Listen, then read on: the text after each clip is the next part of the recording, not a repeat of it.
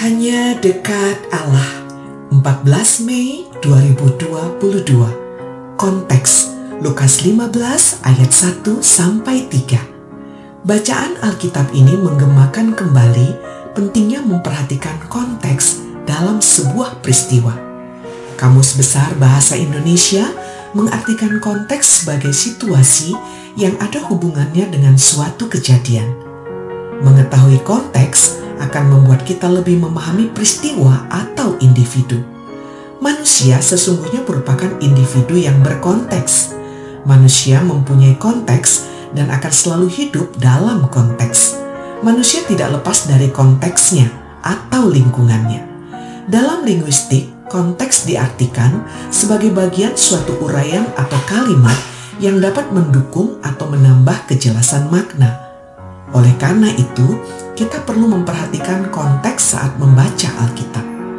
Tiga perumpamaan dalam Lukas 15 merupakan jawaban Yesus atas komentar orang-orang Farisi dan ahli Taurat yang dicatat penulis pada Lukas 15 ayat 2. Mereka protes sebab Yesus bergaul akrab dengan para pemungut cukai dan orang-orang berdosa.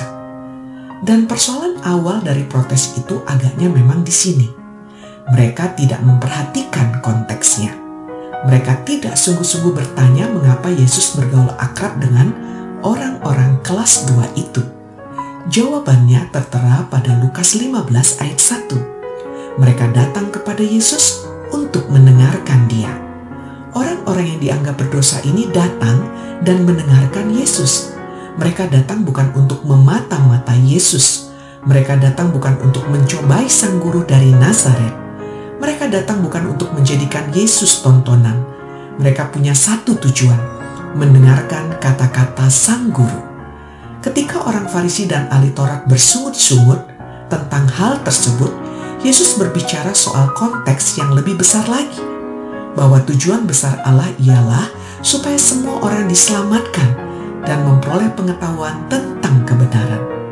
Ketiga perumpamaan itu, baik tentang domba yang hilang, dirham yang hilang maupun anak yang hilang, hendak menyajikan hal yang sama, bahwa semuanya adalah milik Allah. Dan Allah ingin semua miliknya diselamatkan dan bersekutu bersama dengannya. Inilah konteks terbesar Allah saat mengutus anaknya ke dalam dunia. Salam semangat dari kami, literatur perkantas nasional.